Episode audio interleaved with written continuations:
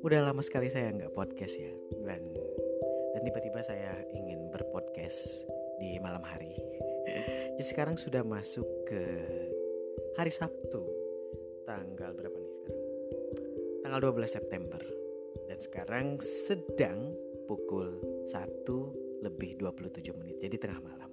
Karena itulah saya mengatakan selamat malam. Tapi walaupun malam uh, ya semangat masih terus, masih karena malam ini begitu luar biasa. Energinya, vibe-nya begitu hangat, begitu damai, begitu luar biasa. Jadi begitu high. Jadi kalau misalnya vibrasi bolehlah high. Harus malah harus high. Kalau frekuensi silahkan bebas mau naik mau turun bebas frekuensi kita alirkan dengan indah sesuai dengan keinginannya masing-masing apa sih bedanya ya vibrasi sama frekuensi? Hmm, nantilah masih belum belum ada mood untuk menjelaskan tentang ini.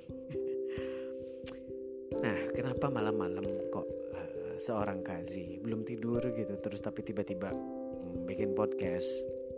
Ya ibaratnya saya malam ini tengah kesurupan. Aduh jangan kesurupan deh karena memang uh, apa ya ada teman yang tiba-tiba bilang Zi gantilah. Jangan pakai istilah kesurupan kalau misalnya lagi lagi ngomong gitu. Karena uh, dia bilang higher being lah. Karena ketika kau berbicara tiba-tiba wise gitu kan gilanya hilang itu artinya your higher being is talking gitu. Jadi apa sih higher being itu? Jadi setiap jiwa itu selalu mempunyai, bukan selalu, pasti, pasti mempunyai higher being. Itu sih bahasa Inggris ya. Jadi memang terlihat lebih keren kalau pakai bahasa Inggris.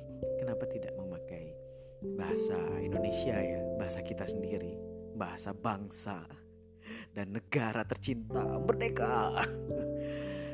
Jadi higher being itu adalah uh, bukan ibarat bahasa bahasanya kita itu adalah titik kesadaran tertinggi di setiap jiwa. Jadi karena setiap jiwa ini lahir itu nggak cuma sekali dua kali, bisa mungkin ratusan ribu kali lahir, atau mungkin jutaan, atau mungkin triliunan kelahiran.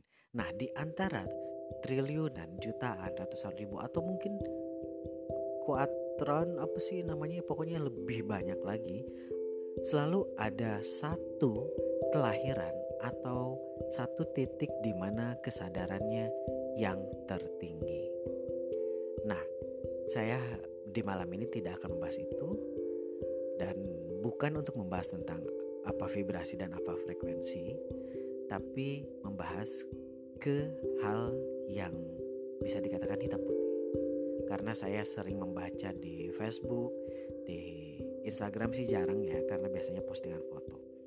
Di Facebook lebih sering. Di Facebook atau mungkin WhatsApp, status WhatsApp teman-teman yang berkenalan dengan saya gitu. Statusnya masih uh, menganggap bahwa kesadaran itu harus selalu putih. Tidak dihitam. Jadi kalau kita bagi dua gitu hitam putih gitu uh, ada sekat di sini. Nah, nanti kita akan membicarakan hal itu. Jadi uh, sebelumnya, sebelum kita masuk ke segmen yang akan membahas lebih dalam tentang apa itu kesadaran hitam putih itu seperti apa gitu kan. Perjalanan jiwa setiap manusia itu seperti apa? Apakah harus selalu di yang putih berarti yang hitam artinya tidak berkesadaran? Nah, mari kita bahas di segmen selanjutnya yang sebelum masuk segmen sebelum sebelum aduh jadi pabel itu sebelum kita masuk ke segmen selanjutnya saya akan mengatakan bahwa selamat malam yang luar biasa para kesayangan semesta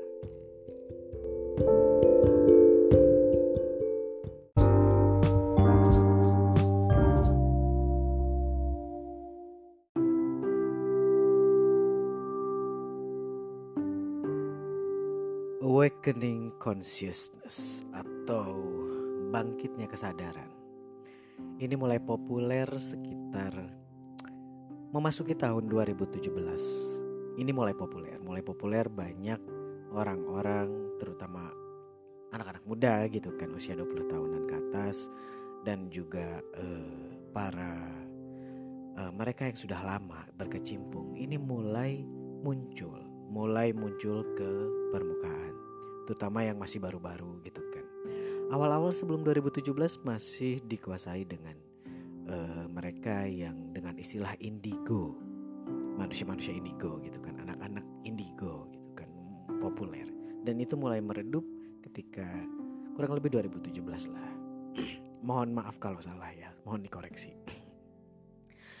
nah, mengenai kesadaran ini uh, dunia spiritual gitu kan, spiritualis.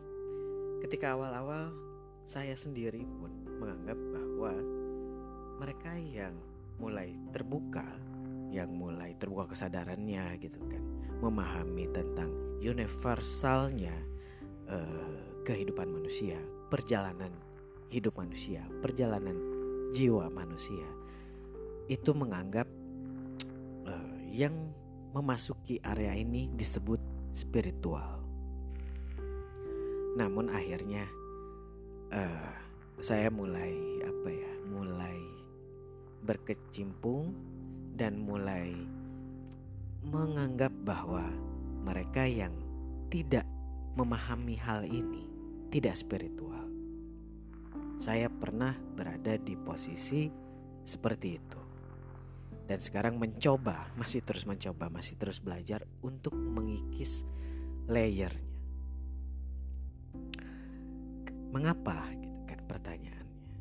Karena dulu uh, ya bisa dikatakan dalam tiga tahun, empat tiga tahun ini saya melakukan perjalanan-perjalanan yang notabene tidak mempunyai satu guru.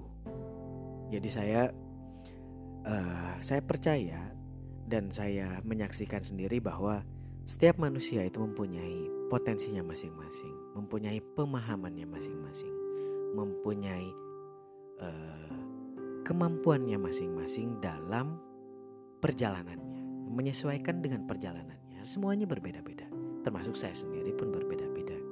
Karenanya saya menyimpulkan seperti itu. Kalau ada yang berbeda kesimpulan silahkan ya. Di sini be bebas berpendapat, oke? Okay? Nah, seiring perjalanan dengan banyaknya guru, saya mulai banyak bertanya dan mengacak kepada diri sendiri. Jika saya menganggap bahwa yang di luar yang tidak mengenal meditasi, yang tidak mengenal istilah semesta gitu kan, yang tidak memahami bahwa apa itu dualitas, apa itu menunggal gitu kan. Secara teori ya, tidak mengetahui itu, itu tidak spiritual. Dan saya pernah di posisi yang uh, mengolok-ngolok kadrun gitu ya, yang mengolok-ngolok mereka yang berbeda dan masih uh, bu apa pernah merasa bahwa uh, saya berada di jalan yang benar namun ada ketidaktenangan di situ, walaupun bahagia gitu kan, tapi masih ada sedikit rasa ketidaktenangan ketika melihat manusia lain yang berbeda. Dan ada rasa khawatir. Jadi ketidaktenangan ini adalah rasa khawatir yang dibaluti sebuah pembenaran. Lah kalau misalnya mereka seperti itu bagaimana dengan bumi?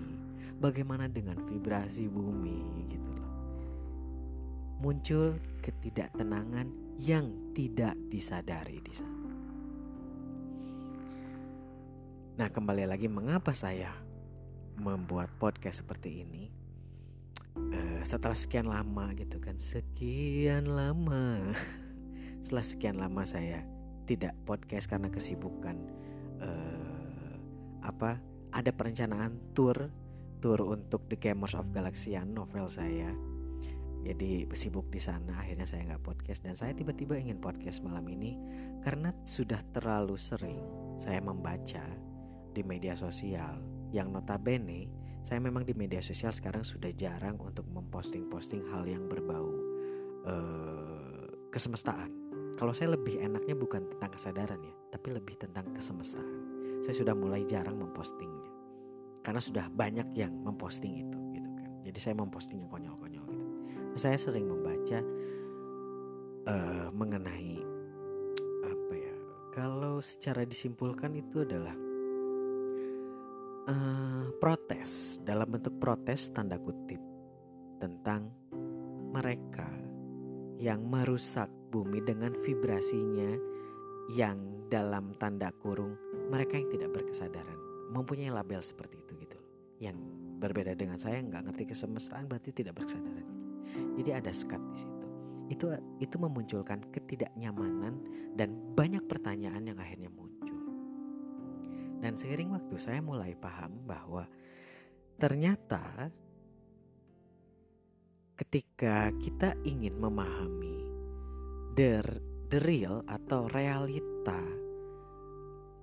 aslinya menunggal itu adalah ketika kita memahami dualitas hitam dan putih.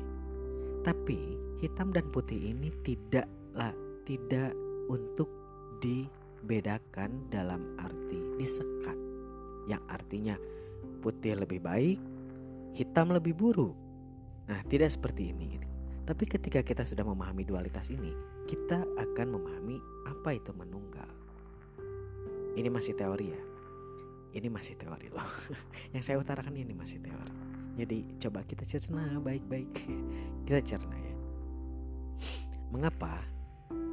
Karena pada dasarnya ternyata jika jika melihat dari moral zaman sekarang ya, moral zaman sekarang, zaman now gitu loh, 2020 ketika ada untuk saya pribadi ya, untuk saya pribadi, saya pernah uh, berada di posisi di suatu kelahiran atau di satu kehidupan yang saya jadi petapa. Artinya putih banget dong gitu ya. Artinya putih sekali. Dan ada satu momen juga di satu kelahiran yang saya uh, menjadi seorang prajurit lah ya ceritanya. Dan itu saya bisa tidur dengan wanita mana pun yang saya mau. Yang artinya setiap malam saya pasti ganti-ganti cewek gitu kan. Yang secara moral itu moral saat ini itu hitam. Dan saya membunuh lah ya pasti kan. Membunuh juga gitu kan lalu uh, tidur sama siapa pun gitu tidur dengan wanita uh, mana pun gitu itu begitu hitam. Namun ketika dirunut lagi banyak juga kayak kemarin kan saya uh, berdiskusi dengan Om Gunawan gitu kan Om Gunawan Muhtar yang di podcast sebelumnya ada ada sharingnya bersama beliau. Beliau pernah mengatakan bahwa tepat satu kelahiran sebelum beliau menjadi Gunawan Muhtar yang sekarang, kelahiran sebelumnya, ia menjadi seorang pelacur. Dan saat menjadi seorang pelacur, tidak ada terbersit sedikit pun ia merasa berdosa dan bersalah. Bahkan untuk mengetahui tentang kesemestaan, ia benar-benar blank. Jadi nggak tahu apa-apa. Jadi ya hidup ya, ya udah hidup aja. Dan begitu pun kalau dibalikan ke saya pribadi, saya pernah menjadi pembunuh juga gitu kan dan e, meniduri wanita sebanyak banyaknya gitu memuaskan nafsu birahi sebanyak-banyaknya. Dan itu memang ketika di kelahiran itu ketika ingat tidak ada muncul perasaan bersalah karena nyatanya yang namanya bersalah, berdosa, maaf dikata itu kembali lagi kepada rasa kita. Ketika kita muncul rasa bersalah, itulah hukuman tanda petik dosa yang kita ini jangan dimasukin oh kalau yang psikopat gimana? Itu itu, itu nanti bahasannya nanti lagi ya. Kalau itu beneran sakit kalau itu sakit mental ini beda lagi ya. Kita kita di luar itu. Nah kembali lagi ke soal dualitas hitam dan putih. Jika kita ingin memahami tentang kesemestaan murninya jalan semesta nyatanya seluruh manusia itu adalah makhluk spiritual. Terserah saat ini ia memahami tentang konsep kesemestaan atau tidak. Semuanya adalah makhluk berspiritual. Jeng jeng, mulai berat nih. Saya sendiri langsung, aduh, agak langsung. Ini buatmu juga loh sih gitu. Lu jangan jangan pintar ngomong doang. Ini untukmu juga. Sejujurnya, sejujurnya, ketika saya berbicara di podcast, ini sebenarnya me menunjuk ke saya sendiri. Jadi saya siap-siap untuk diuji oleh semesta. Bener gak sih nih ngomongannya gitu? Aduh jadi jadi agak takut nih buat ngomong. Ya itulah. Jadi intinya uh, agak tergerak, langsung tergerak ketika ada percikan uh, postingan satu postingan yang mengatakan bahwa, duh sayang sekali ya mereka kok memilih berperan menjadi penyeimbang. Ada ada ada postingan yang uh, di teman gitulah, adalah di X gitu ya sebut saja, uh, memposting hal seperti itu saya tidak emosi tapi saya agak tertawa dan bukan tertawa mengejek ya tapi tertawa diri sendiri yang artinya ayolah Zi you need to uh, kau kau butuh untuk untuk melepaskan atau menyampaikan pemahamanmu ya siapa tahu gitu ada yang terinspirasi lah minimal inspirasi ya. Tergerak hatinya oh ya ternyata memang begitu. Yang pada akhirnya adalah kenapa kenapa sih saya tergerak ketika ada status itu ya? Status yang mengatakan bahwa kenapa uh, sayang sekali mereka kok mau berperan sebagai penyeimbang. Karena yang saya pahami di bahasa uh, Facebook gitu kan di bahasa satu komunitas tertentu istilah ah biarlah dia adalah sebagai penyeimbang. Konotasi penyeimbang yang diangkat ini adalah hitam yang artinya adalah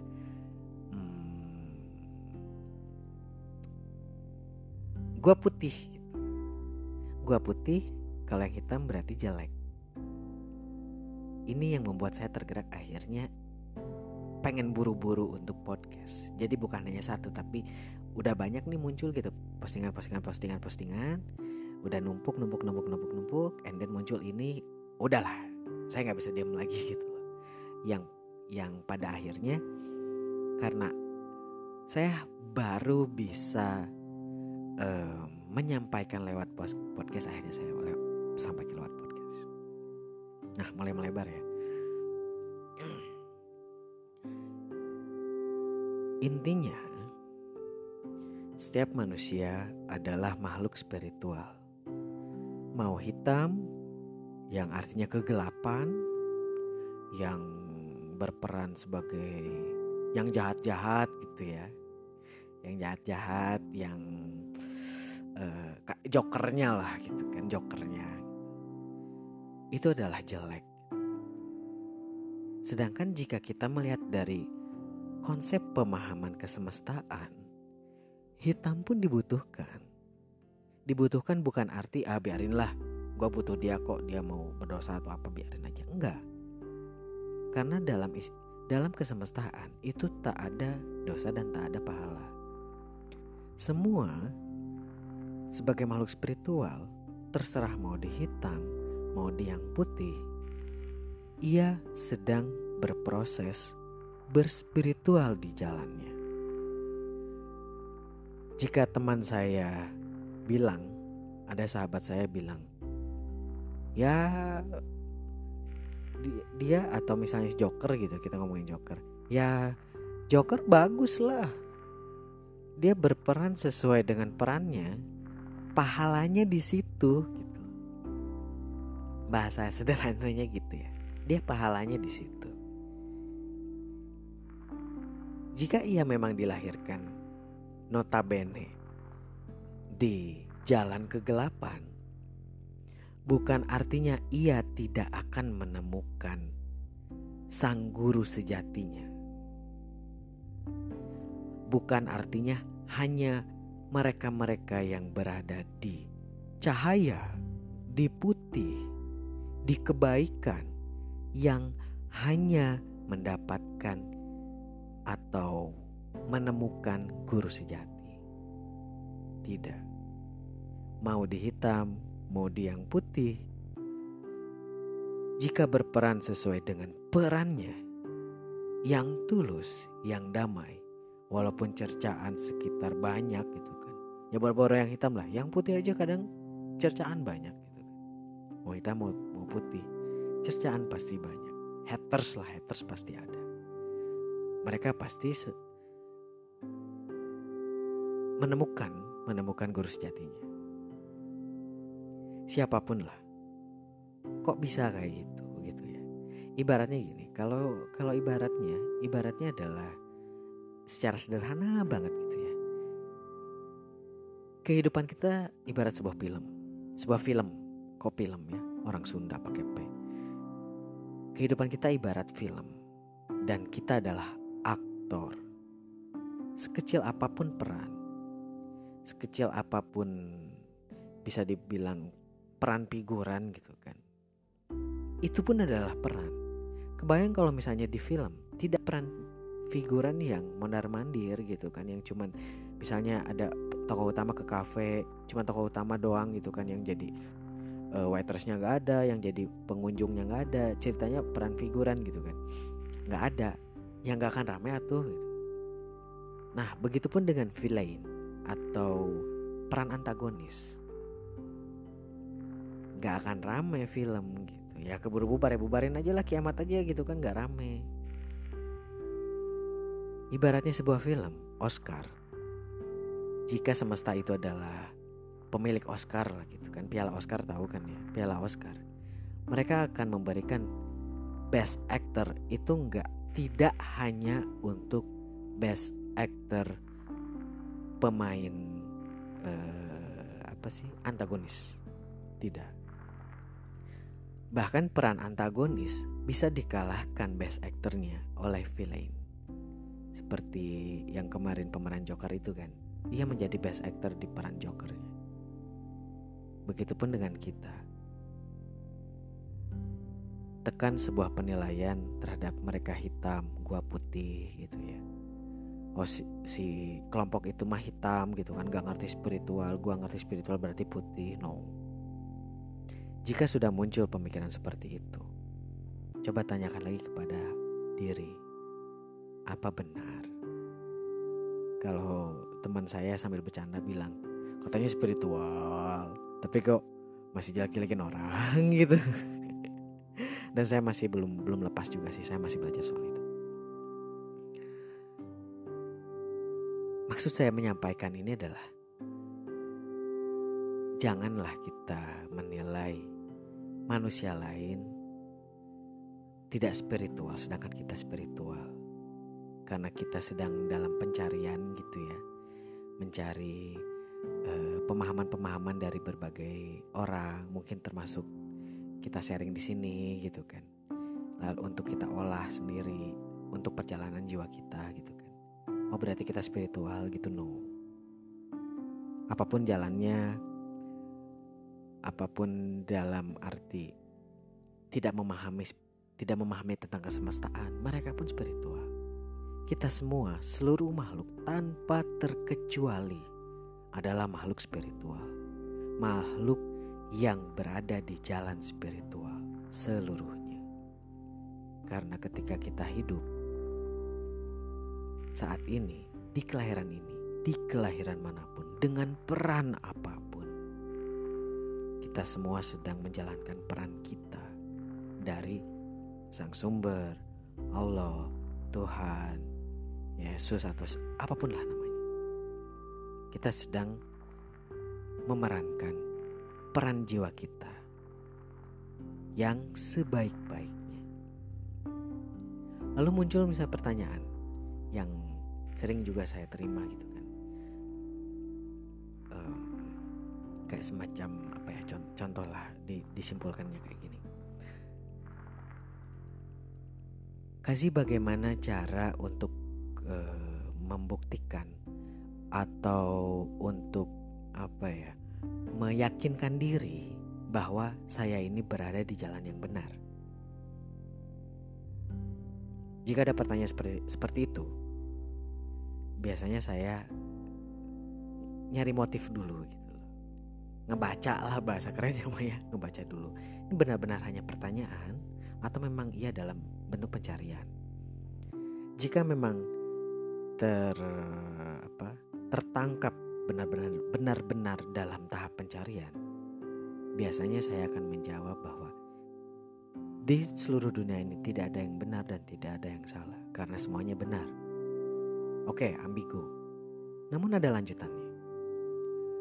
Apa pun yang kita lakukan, tindakan apa pun, pilihan hidup apa pun, peran apa pun,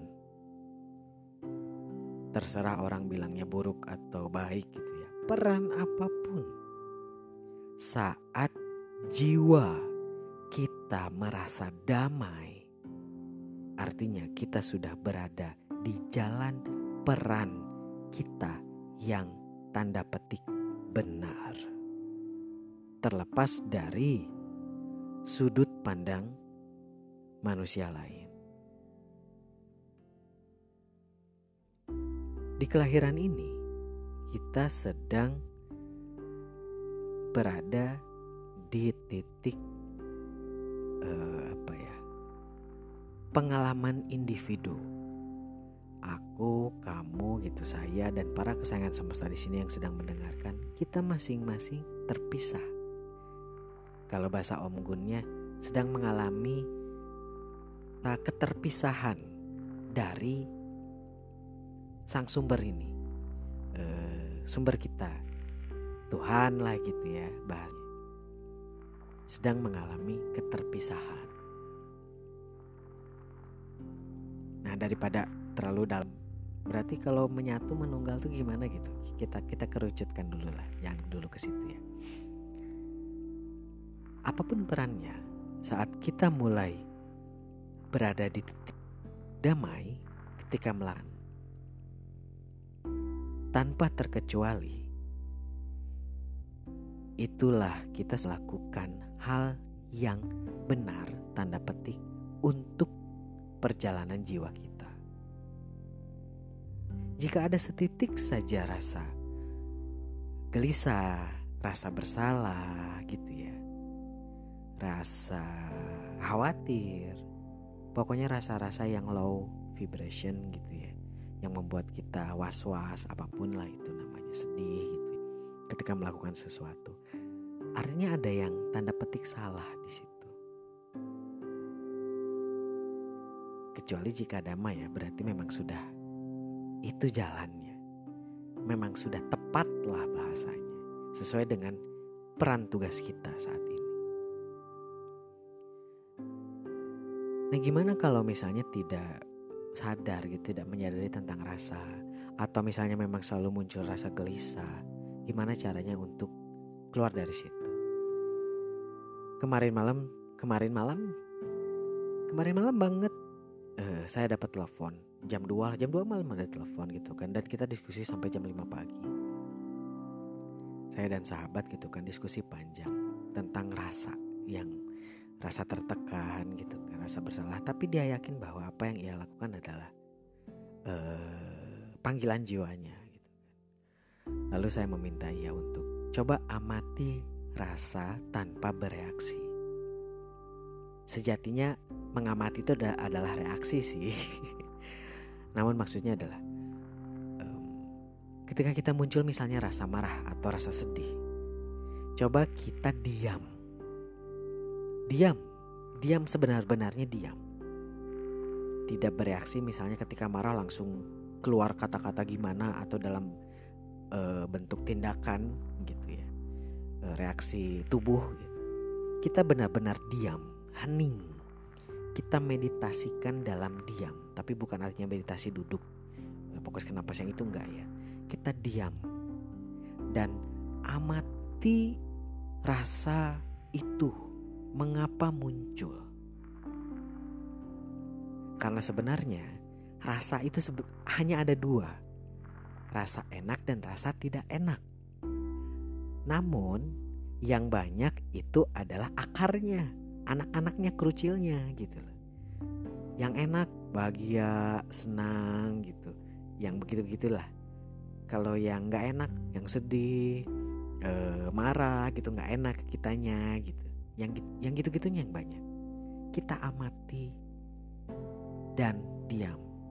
Jangan bereaksi.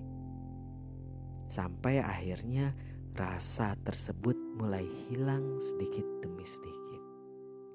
Ini tidak mudah ya. Memang tidak mudah. Makanya saya lebih banyak melamun. Kasih mah kerjaannya ngelamun. Sebenarnya bukan ngelamun, saya mengamati rasa gitu kan. Karena jika sudah mulai berproses, karena semuanya proses dan ini memang tidak mudah. Ketika semua mulai berproses dan kita sudah sering melakukan, yang misalnya kita butuh waktu satu jam menjadi setengah jam, lalu menjadi berapa menit, dan akan otomatis untuk tidak bereaksi. Kita akan mulai mendapatkan rasa atau rasa atau rasa yang benar-benar murni dari jiwa. Karena banyak rasa yang muncul. Itu terkontaminasi tanda petik oleh dogma, doktrin, oleh uh, cara uh, pendidikan kita dari kecil gitu ya, cara dididiknya kita, lingkungan. Itu banyak faktor. Dan kita mulai mengerucut mulai mengecil misalnya jadi dari 10 jadi 9 8 terus tiba-tiba jadi 3 dan mulai ke satu sumbernya. Kita diam dan amati. Itulah sebenarnya meditasi 24 jam yang pernah saya jelaskan di podcast sebelumnya. Nah kembali lagi ke tentang dualitas hitam putih menunggal. Hitam tak apa, memang itu perannya. Putih pun tak apa, karena itu adalah perannya. Saya tidak akan membahas tentang bagaimana peradaban manusia bisa muncul tentang dualitas ini. Itu masih terlalu jauh. Saya akan bahas itu di buku saya. Jadi jangan lupa beli ya. di sisi promosi. Tapi bagaimana jika misalnya kita melihat ketidakadilan yang dalam arti adalah gelap atau hitam? Kita tanya ke dalam jiwa, peran kita di mana? Oh, peran saya memerangi.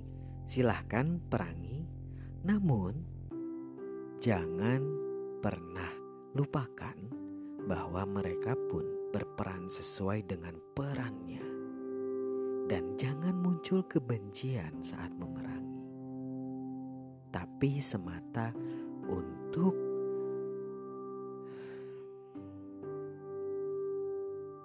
semata untuk memenuhi peran tugas kita. Tetap penuh cinta kasih dalam berperan. Jika Anda berperan di hitam lakukan dengan sepenuh hati. Sesuai peran Anda, namun tetap amati jika ada ke kegelisahan, kekhawatiran, rasa takut, sedih, artinya peran Anda mungkin bukan di situ. Begitu pula sebaliknya. Jika Anda berusaha untuk berbaik hati terus gitu menyebarkan cinta kasih, tapi ada ketidaktenangan di situ. Mungkin memang bukan peran Anda di sana. Dan jangan pernah khawatir. Jika berjalan di gelap, maka tidak akan mencapai titiknya, tidak akan pulang, tidak akan melebur kepada sang sumber. Jangan pernah khawatir. Karena mungkin Anda memang perannya di sana dan akan menjadi best actor, who knows kita bisa menonton uh, apa film Joker yang terbaru yang pemainnya Joaquin Phoenix kalau nggak salah namanya ya.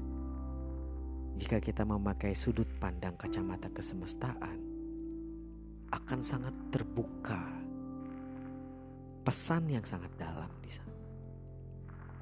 Bukan tentang seorang psikopatnya no, tapi bagaimana seorang jiwa menemukan perannya walaupun berada di jalan kegelapan.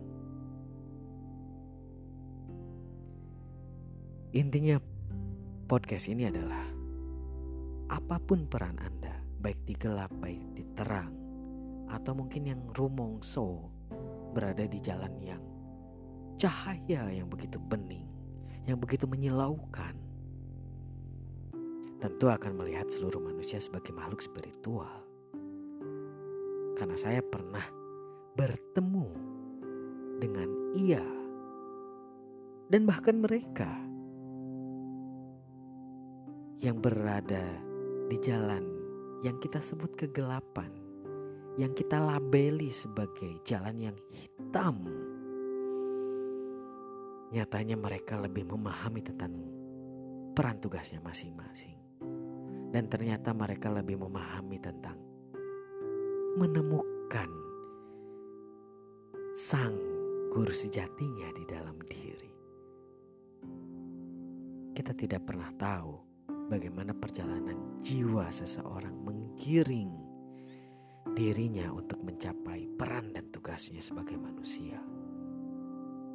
Tanyakan ke dalam hati, tanyakan ke dalam jiwa.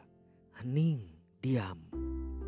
Meditasi yang utama adalah saat kita tidak menginginkan apa pun, nothing. Di sana kita akan menemukan diri kita yang sejati, our higher self. Kesimpulannya, dari tadi kesimpulan mulu ya. Terakhirlah terakhir, pengulangan yang mau saya katakan. Saat Anda melakukan sesuatu, saat Anda, para kesayangan semesta, memilih tindakan memilih jalan kehidupan, memilih suatu keputusan yang mempunyai konsekuensi baik dan buruk gitu ya yang kita labeli itu. Kita heningkan diri terlebih dahulu setelah kita mengambil keputusan tersebut. Jika ada kegelisahan, jika ada rasa galau, rasa sedih, ketidakdamaian Artinya mungkin ada yang kurang tepat di sana.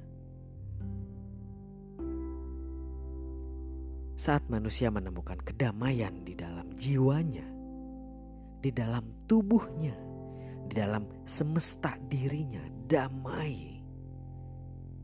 Ketika melakukan sesuatu, artinya ia sudah berada di jalan yang tepat untuk peran dan tugasnya dan mengambil piala Oscar sebagai the best actor, the best jiwa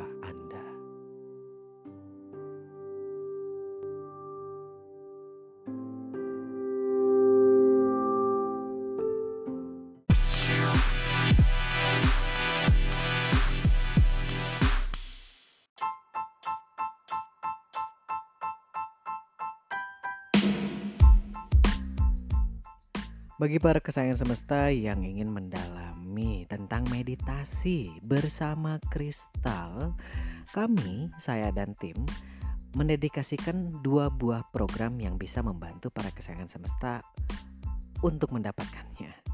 Jadi untuk program pertama, namun ini masih basic, yaitu Crystal Self Potential Manifestation bersama saya.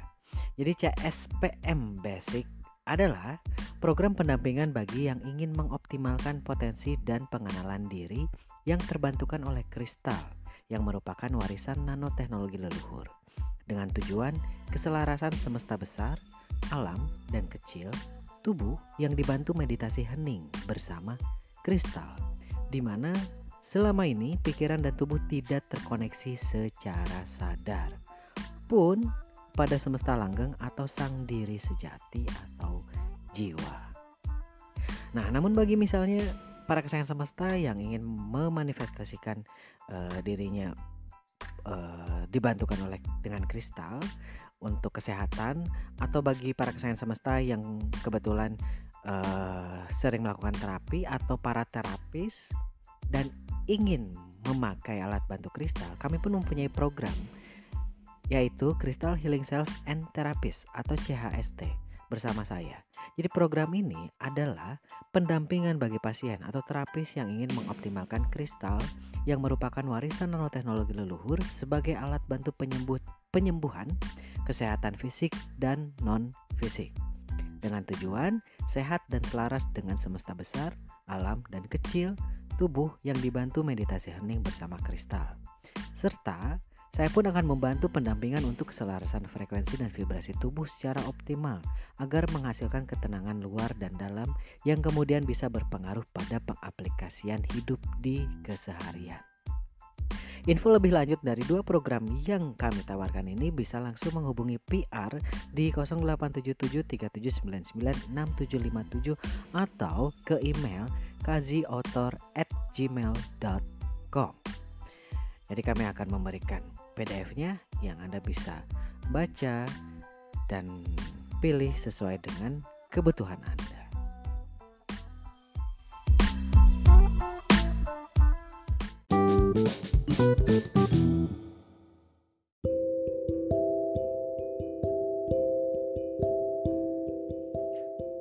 Sepertinya pembicaraan bahasan tadi diskusi disebut diskusi sih karena ngomong sendiri. Karena yang namanya diskusi itu TikTok gitu ya. Jadi ada ada orang lain selain saya yang bisa diajak diskusi. Kalau yang tadi ngomong sendiri sebenarnya. Sharing lah sharing. Sebenarnya untuk sharing tadi itu kurang cukup ya. Kurang cukup membahas detail jadi sebenarnya nggak detail-detail amat juga. Karena harus ada penanya baru baru mancing kayaknya baru terpancing berbicara. Ya tak apalah. Semoga dengan pembicaraan tadi sharing yang tadi uh, sedikit ada pintu masuk lah untuk bisa kita diskusi selanjutnya saya harap setelah ini bisa lanjut ke Zoom agar kita bisa diskusi langsung gitu ya dengan dengan para kesayangan semesta. Uh, kalau misalnya memang dirasa sharing yang tadi begitu menginspirasi, membuka yang mungkin ada pertanyaan-pertanyaan yang sempat ditanyakan kepada diri, ya saya bersyukur Kalaupun tidak ya tak mengapa. Kalaupun misalnya ada yang berbeda pendapat, tak mengapa juga. Karena kita semua bebas berpendapat. Karena yang benar itu sejatinya nggak ada. Karena setiap diri ada kebenarannya masing-masing. Terserah dibilang pembenaran atau apa pun, tak mengapa. Saya pun menerima dengan senang hati jika ada kritik dan saran untuk podcast atau ada request bahas apa dong apa dong gitu silahkan. Langsung aja japri gitu ya. Jangan malu jangan sungkan jangan segan. Jangan lupa kasih nama agar saya bisa tahu saya berbicara dengan siapa. Karena kalau yang nggak kenal saya nggak akan baca. Saya saya tidak akan membuka apalagi masuknya ke WA dan mohon maaf karena saya akan sangat jarang sekali untuk podcast karena kesibukan saya dan tim Maram Squadron untuk membuat sebuah acara. Jadi kami rencana akan tur ke 17 kota di seluruh Indonesia. Uh, mempromosikan buku, mempromosikan The Gamers of Galaxians masih di buku pertama. Jadi ini adalah promo pertama kalinya buku The GOG secara publik dan semoga kota para kesayangan semesta uh, termasuk ke dalam 17 kota ini nanti kita bisa bertemu di sana langsung. Semoga semoga. Amin lah amin. Pastilah pasti karena tidak ada sesuatu yang kebetulan. Ya itu saja untuk podcast yang uh, malam ini tidak berlama-lama. Terima kasih terhadap yang sudah mendengarkan karena aku pun adalah engkau dan kau pun adalah aku. Mungkin kita saat ini sedang mengalami pengalaman keterpisahan antara saya dan para kesayangan semesta. Karena sesungguhnya kita berasal dari satu sumber yang sama. Yang ketika saya menjaga Anda, Anda pun menjaga saya. Dan ketika kita menjaga mereka, maka mereka pun telah menjaga kita semua. Selamat. Masih malam ya, belum masuk pagi ya sekarang. Selamat hari yang luar biasa para kesayangan semesta. Jangan pernah lupa untuk berbahagia dari jiwa Anda dan terus amati dalam diam, dalam hening, dalam situasi meditatif apa pun. Saat kedamaian itu berada tepat di jiwa Anda, artinya Anda telah berperan semesta yang merupakan peran dan tugas